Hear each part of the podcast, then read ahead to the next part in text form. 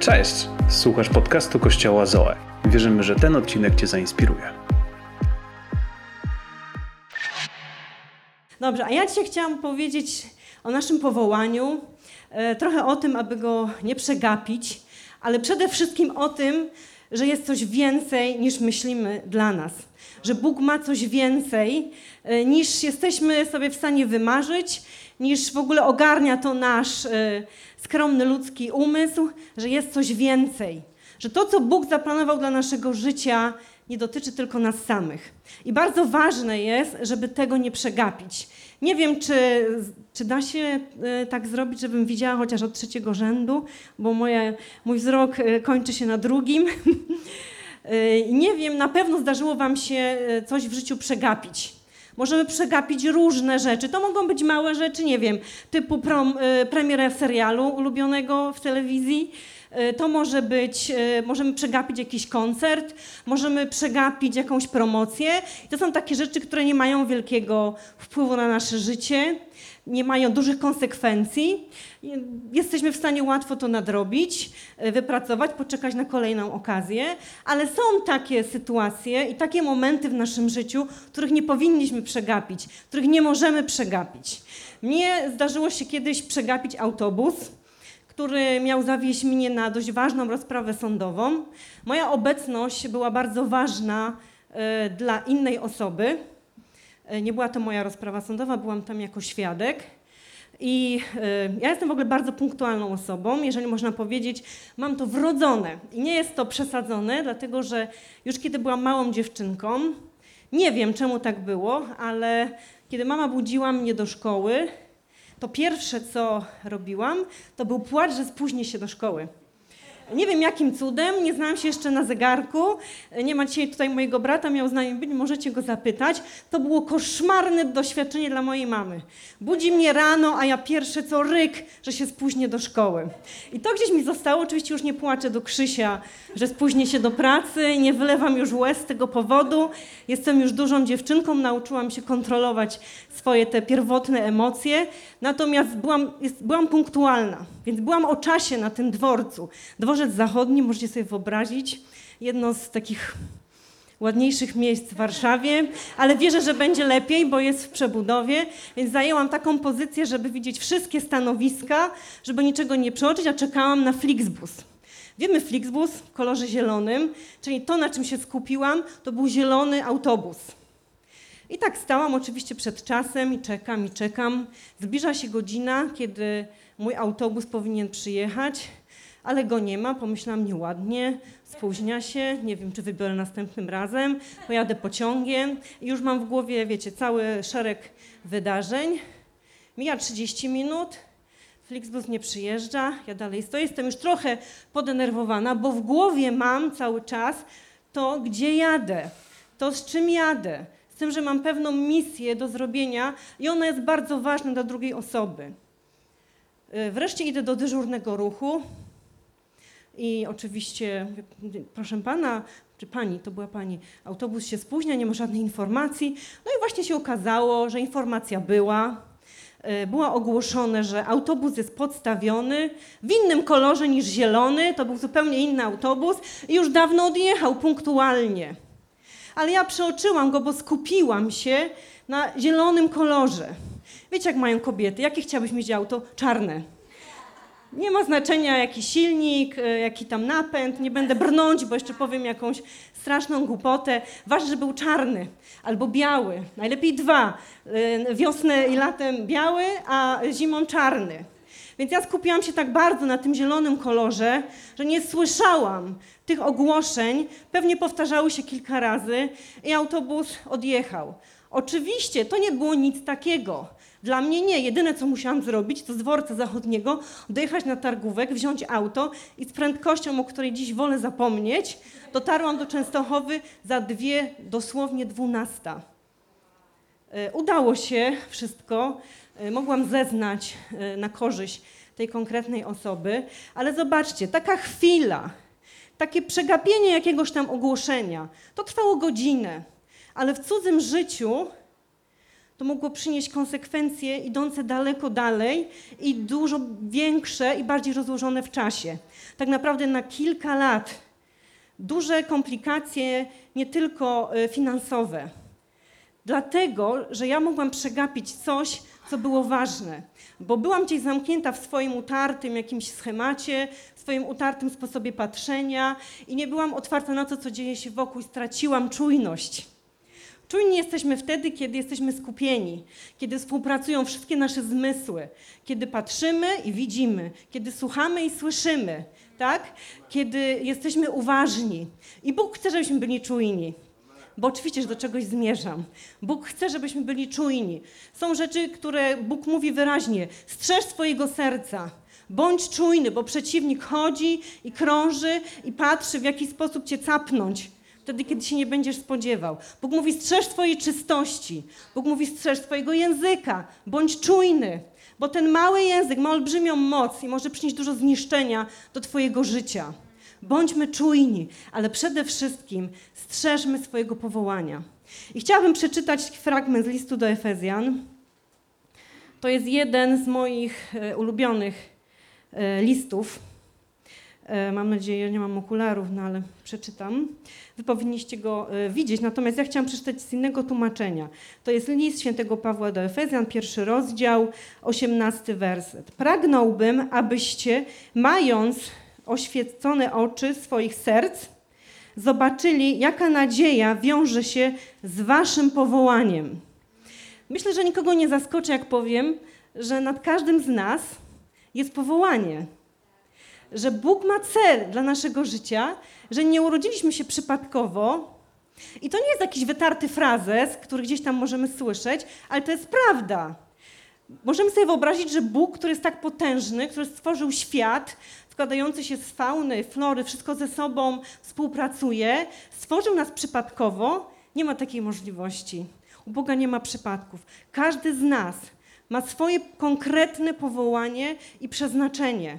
I ono jest związane z tym, jakie jest Twoje obdarowanie, jakie są Twoje talenty, tym w jakim miejscu, w jakiej szerokości geograficznej mieszkasz, to w jakim kościele też jesteś, z jakimi ludźmi przebywasz. Jest bardzo dużo czynników z tym związanych. Ale jedno jest pewne: Bóg ma powołanie nad Twoim życiem. I chciałam Cię opowiedzieć trochę o osobie, która bezsprzecznie miała takie powołanie nad swoim życiem i była czujna i nie przegapiła tego powołania, a to jest Elizeusz. Na pewno znacie e, wiele historii o Elizeuszu i Eliaszu. To były takie dwie wybitne postacie, dwóch proroków. Mm, I chciałabym przeczytać ten fragment, w którym e, rozpoczął się proces powołania Elizeusza. Zanim Eliasz przyszedł do Elizeusza, o tym będziemy czytać, najpierw Bóg przyszedł do Eliasza i powiedział mu o tym. E, a Pan rzekł do niego, do Eliasza, idź, udaj się w drogę powrotną na pustynię damasceńską, a gdy tam dojdziesz, namaścisz Hazaela na króla nad Aramem, a Jehu, syna Nimsziego, namaścisz na króla nad Izraelem.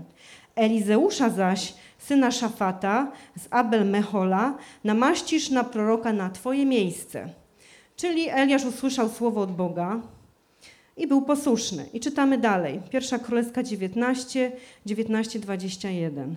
Odszedł więc stamtąd i znalazł Elizeusza, syna Szafata, przy orce. Dwanaście zaprzęgów szło przed nim, a on był przy dwunastym. Eliasz podszedł do niego i zarzucił na niego swój płaszcz. Wtedy opuścił woły. Pobiegł za Eliaszem i rzekł: Pozwól mi pocałować mojego ojca i moją matkę, a potem pójdę za tobą. On mu odpowiedział: Idź, ale potem wróć, bo po cóż ci to uczyniłem? Wrócił więc do niego i wziąwszy parę wołów, zarżnął je, a na uprzęży z tych wołów ugotował ich mięso i podał swoim ludziom, a oni jedli. Potem ruszył i poszedł za Eliaszem i usługiwał mu. Niesamowita historia. Wyobraźcie sobie taką sytuację. Jesteście w pracy, nie wiem, zmywacie naczynia. Teraz są zmywarki, ale zdarza się jeszcze. Ktoś przychodzi, narzuca na was płaszcz i mówi: Idziemy. Zostawiasz wszystko i idziesz. Tak, szok. E, ale ta historia pokazuje nam kilka rzeczy, które są tak ważne, żebyśmy doszli do miejsca naszego powołania, żebyśmy w ogóle mogli je rozpoznać w naszym życiu. Pierwsza z tych myśli, mam nadzieję, że to będzie się tutaj pokazywać, Bóg będzie używać innych, aby doprowadzić Cię do miejsca Twojego powołania. Bóg zawsze będzie używał innych, żeby doprowadzić Cię do miejsca Twojego powołania.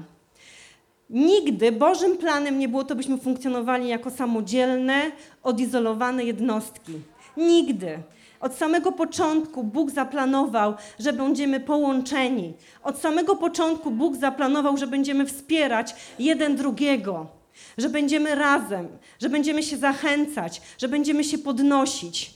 Moje powołanie, to czy ja wejdę w miejsce mojego powołania, jest zależne od tego, czy będę miała wokół siebie odpowiednich ludzi. I to też działa w drugą stronę. To też zależy w waszym życiu od tego, w naszym życiu. Potrzebujemy siebie nawzajem.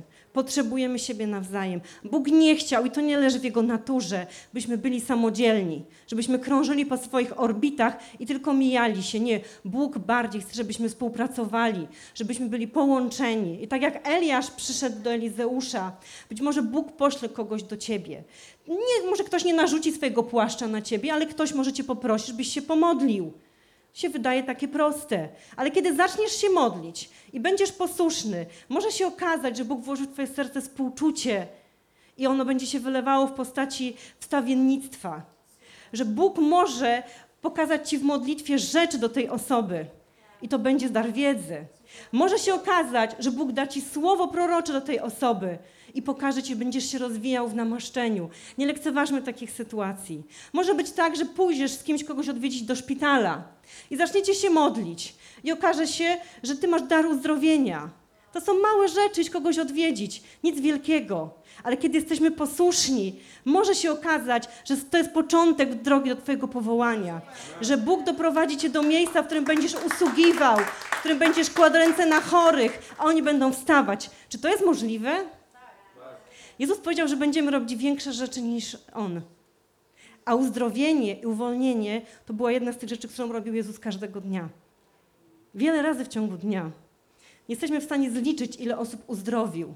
Wiemy tylko, że były to tysiące, że dotykał tysięcy, a my możemy robić większe rzeczy niż On sam. Dlatego to może być tylko pójście do szpitala, ale Bóg coś uwolni. Może być tak, że ktoś poprosi cię, żebyś się zaangażował tu w Zoe, w jakimś teamie i okaże się, że masz dar y, organizacji, że potrafisz tak zbudować służbę, że ona się rozwinie, że będą dołączać się do niej nowi ludzie, a nowi ludzie to jest ich wzrost.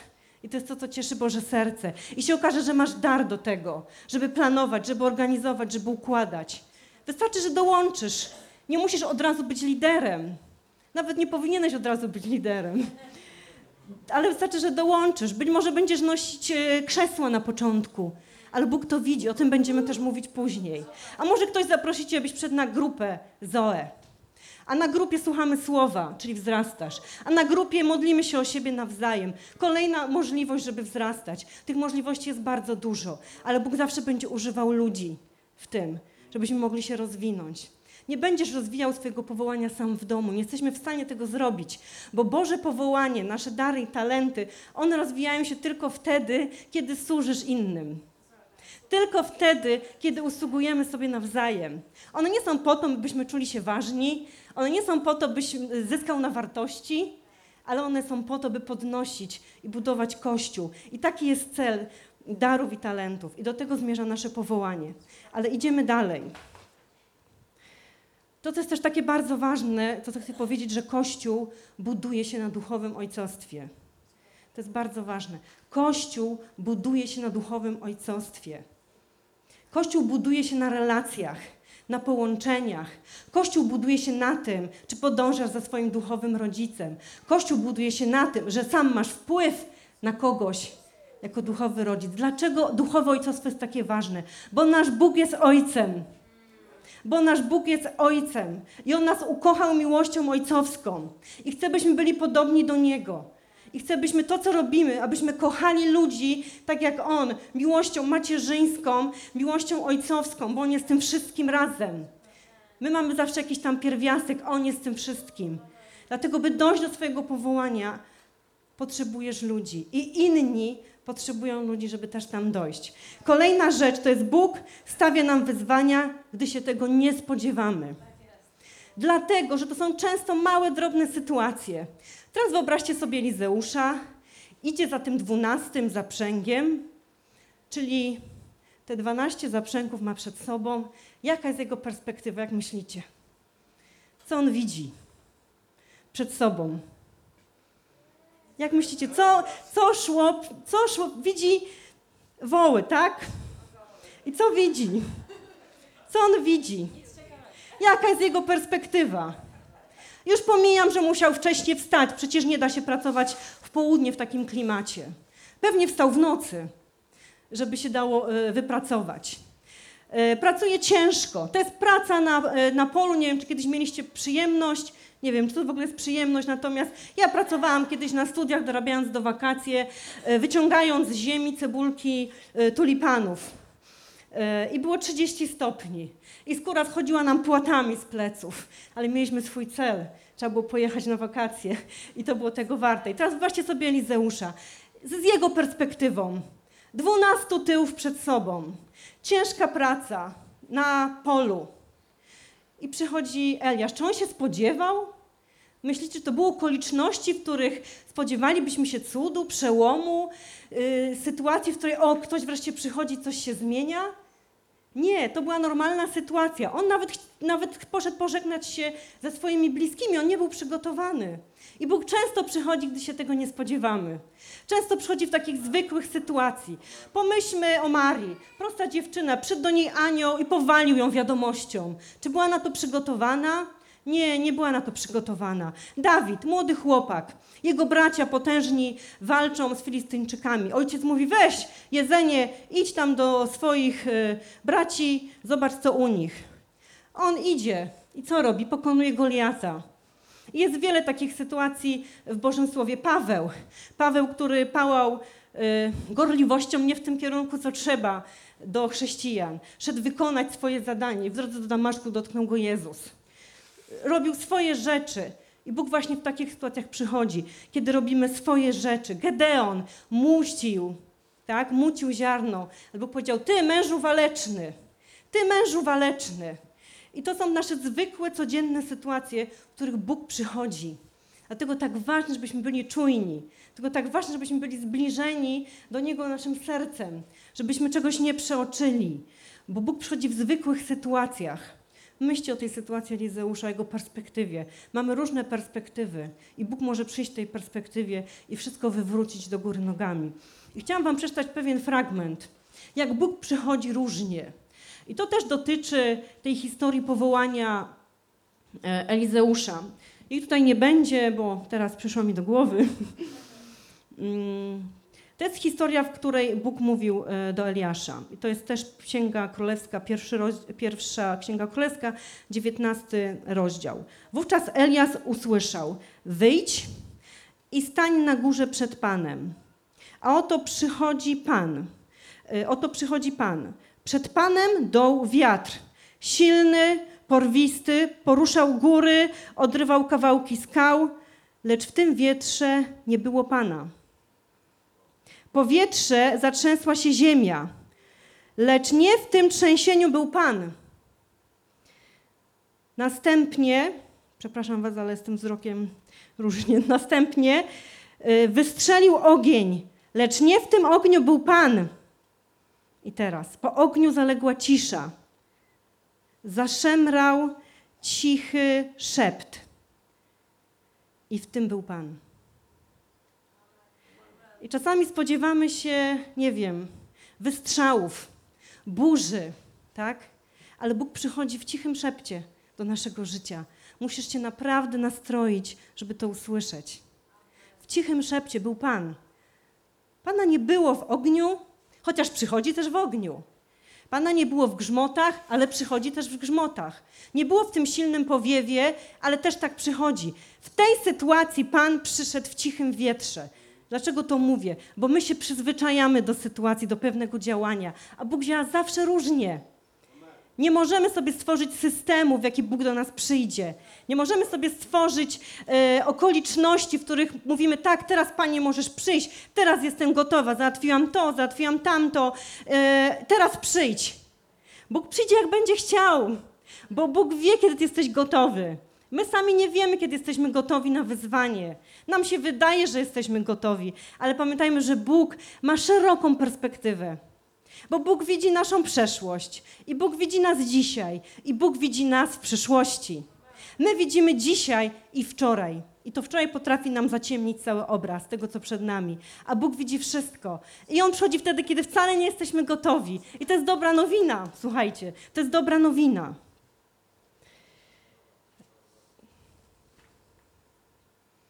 Kolejna rzecz. Do miejsca powołania wchodzimy poprzez uniżenie i pokorę. No nie brzmi to może tak przyjemnie dla naszej duszy, ale to jest prawda. Zobaczcie, kiedy Eliasz przyszedł do Elizeusza, ten prawdopodobnie nie wiedział, jak wielka będzie później jego służba. On prawdopodobnie nie wiedział, jakich cudów będzie dokonywał. On prawdopodobnie też nie wiedział, że przewyższy Eliasza swoim namaszczeniem. Do tego dojdziemy później. Ale wiedział, że będzie jego sługą ale wiedział, że będzie mu służył i, przy, i przyjął to wyzwanie.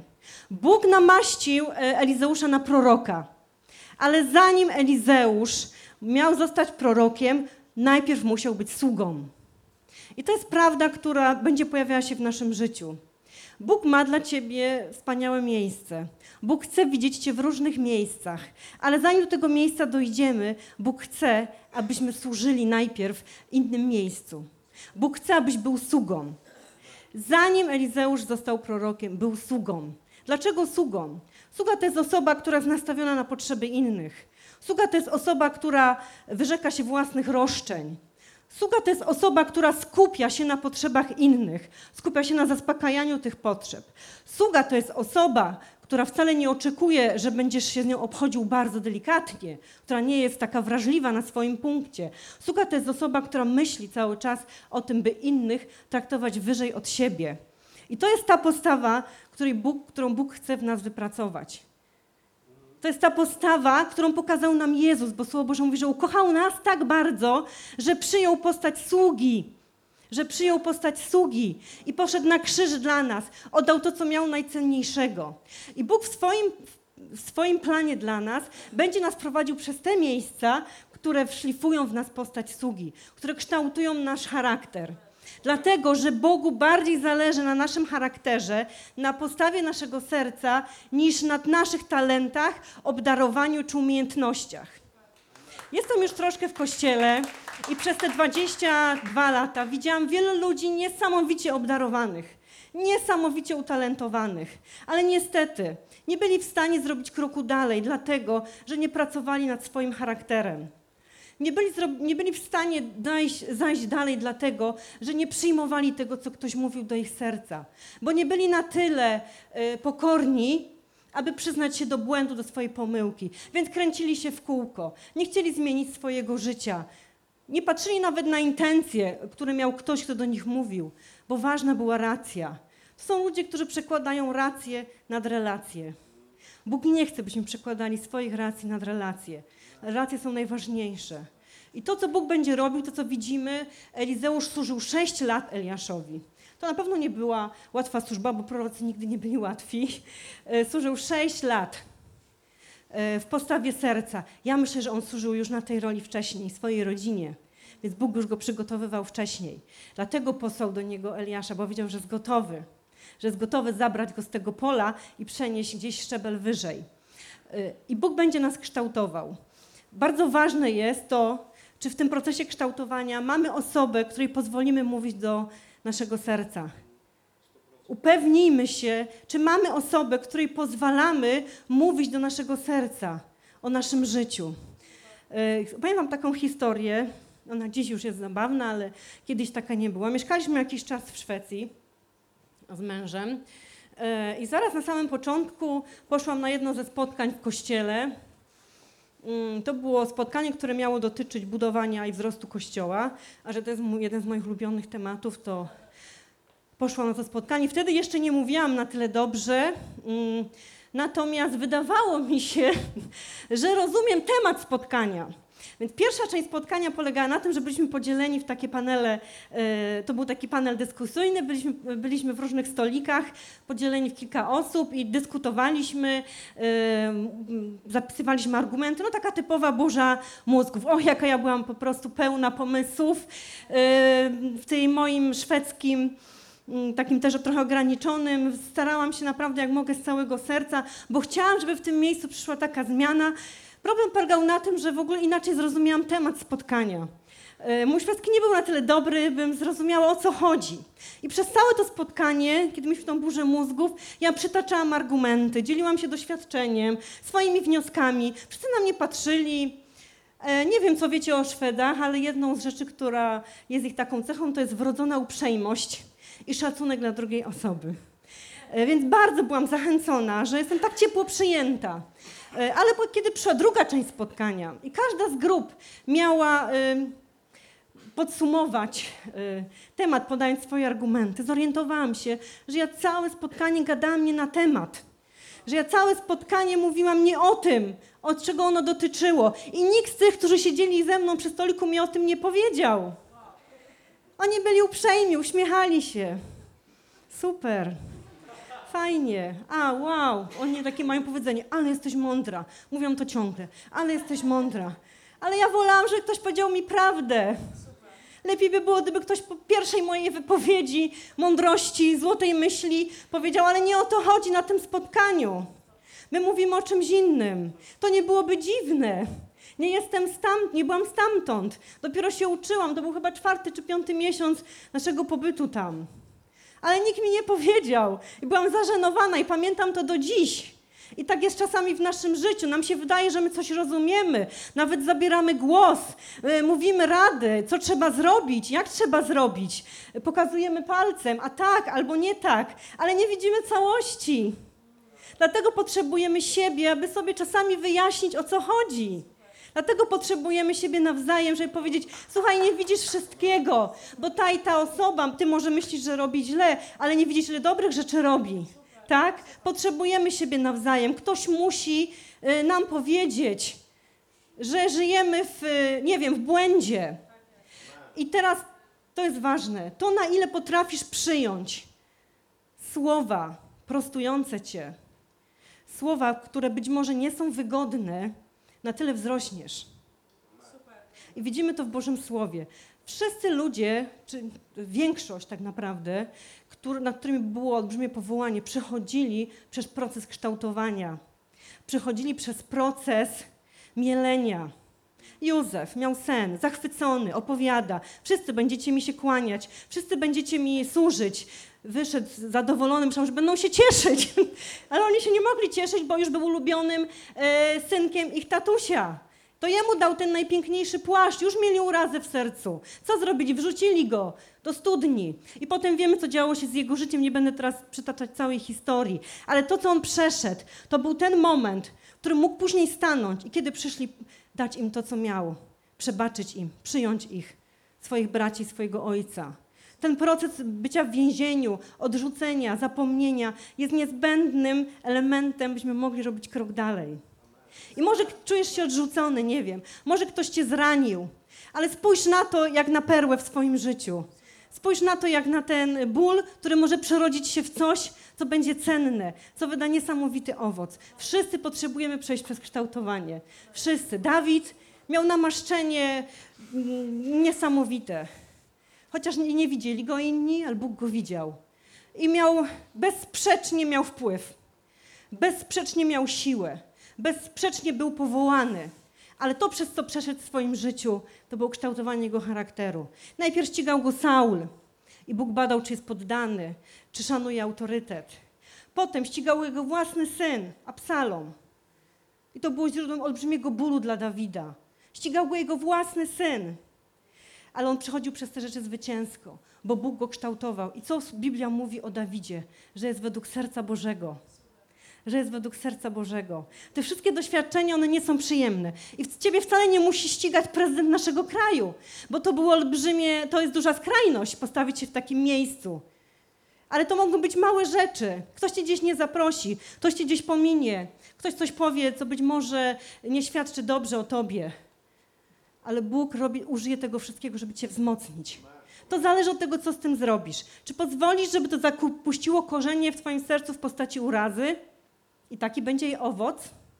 Izolacja, bunt, samotność. Czy raczej postarasz się przekuć to w coś dobrego? I powiesz, jestem mocniejsza. I ja błogosławię tą osobę. I ja kocham tą osobę, która zrobiła źle moim, dla mojego życia. I ja wierzę, że Ty masz, Boże, moc nad jej życiem. I to zmienia nasze serce. I to zmienia nasze serce. I wtedy możemy iść i Bóg prowadzi nas dalej. Dobrze, kolejna rzecz. Kolejna rzecz. To jest Boże powołanie. Zawsze jest związane z ustanawianiem Bożego Królestwa na ziemi. To jest to, co powiedziałam na samym początku i ta moja historia to pokazywała, że y, ta sytuacja na dworcu była ważna dla kogoś. Tak? To, że y, mogłam przeoczyć pociąg, to miało duże znaczenie i mogło mieć duże konse- konsekwencje w życiu innych. Nasze powołanie to jest to coś, co Bogu jest potrzebne do tego, aby Jego królestwo rozwijało się na ziemi. Twoje powołanie jest tym czymś, co Bo- Bogu jest potrzebne. I Bogu nigdy nie chodziło o to, byśmy zatrzymywali się na swoim darze i na swoim talencie, ale Bogu chodzi o to, byśmy wchodząc w nasze powołanie, byli błogosławieństwem dla innych. I to jest cel naszego powołania. I teraz chcę, żebyśmy dalej przyjrzeli się Elizeuszowi. I to są trzy, to są trzy cuda, które są niesamowite, które pokazują nam, co jest ważne w szerzeniu Bożego Królestwa. I pierwsze, co zrobił, pierwsze, co zrobił Elizeusz, to jest niesamowite, to jest uzdatnił wodę do picia. I chcę, żebyście, pierwszy jego cud, mm, kiedy, może to jeszcze powiem, kiedy e, Eliasz został w niebo wzięty, mm, to była taka niezwykła sytuacja i to jest też taka dosyć śmieszna historia, e, e, przeczytajcie sobie. E, Chciał być sam, chciał gdzieś być sam, żeby Bóg go zabrał. Elizeusz był tak bardzo z nim związany, że nie chciał go opuścić na krok i chodził tak za nim jak cień. Więc on był przy tym, jak Bóg zabrał Eliasza.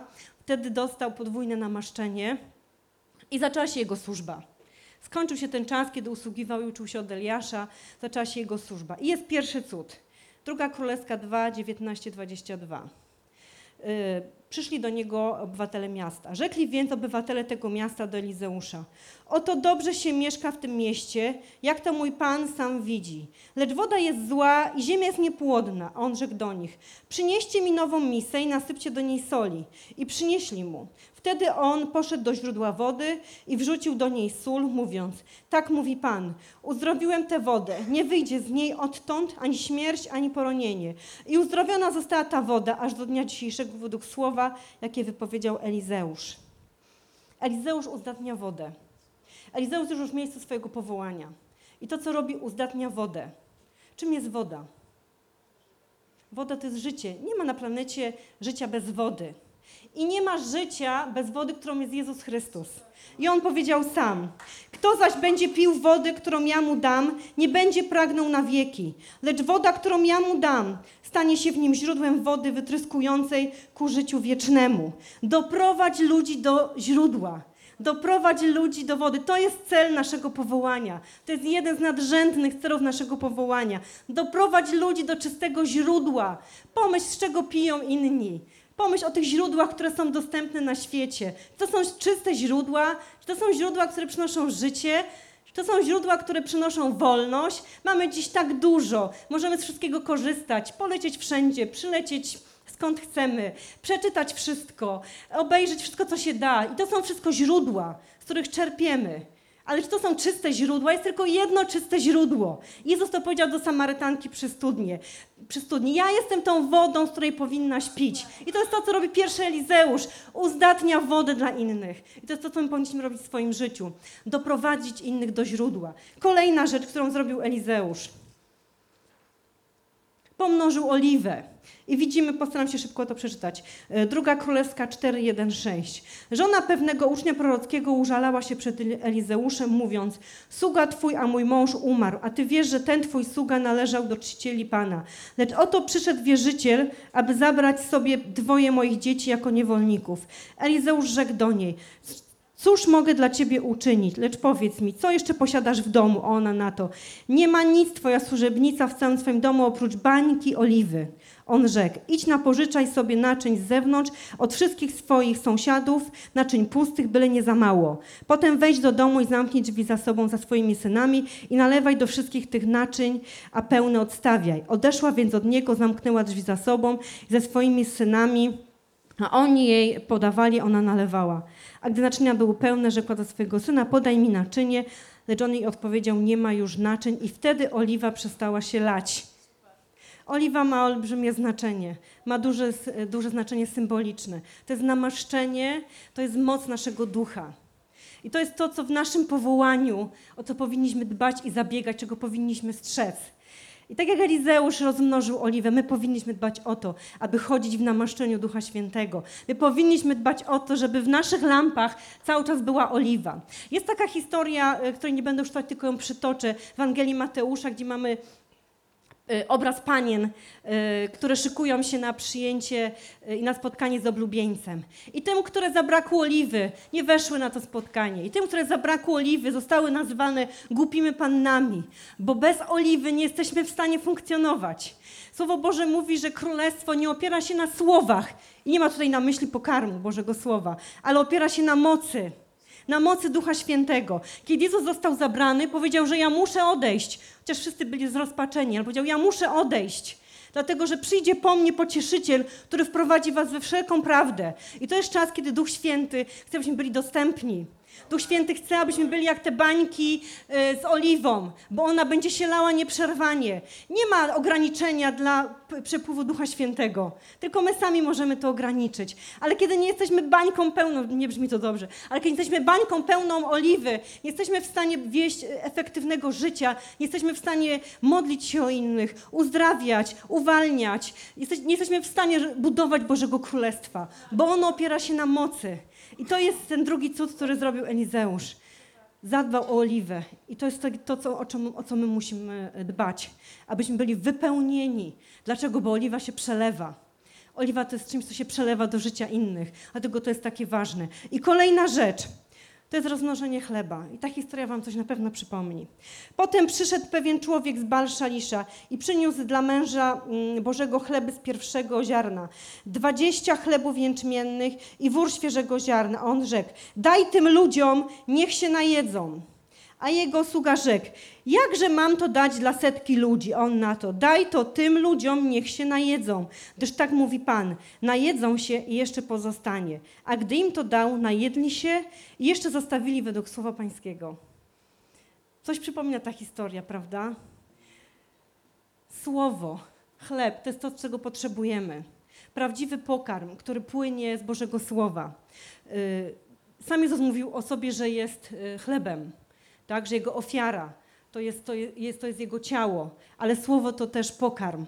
To jest prawda Bożego Słowa, którą potrzebujemy dawać innym. To jest prawda Bożego Słowa, w której sami potrzebujemy trwać i potrzebujemy i powinniśmy dawać to innym. Musimy chodzić syci i najedzeni, tak żeby zostawało. Czyli najadamy się sami, ale też możemy się jeszcze dzielić. I o to w tym wszystkim chodzi. Zobacz, widzimy przez te trzy cuda, których dokonał Elizeusz, co jest ważne, kiedy jesteśmy w miejscu naszego powołania. Przeprowadzamy ludzi do wody życia. Dbamy o namaszczenie Ducha Świętego i dbamy o to, aby dostarczać właściwy pokarm. To są te najważniejsze rzeczy. I chciałam przeczytać to, co mówi sam Jezus o sobie. Kiedy wszedł do synagogi, to jest e, Ewangelia Łukasza, czwarty rozdział, 16 do 19 werset. I przyszedł do Nazaretu, gdzie się wychował. I wszedł według zwyczaju swego w dzień sabatu do synagogi i powstał, aby czytać. I podano mu księgę proroka Izajasza. Otworzywszy księgę, natrafił na miejsce, gdzie było napisane. Duch Pański nade mną. Przeto namaścił mnie, abym zwiastował ubogim dobrą nowinę.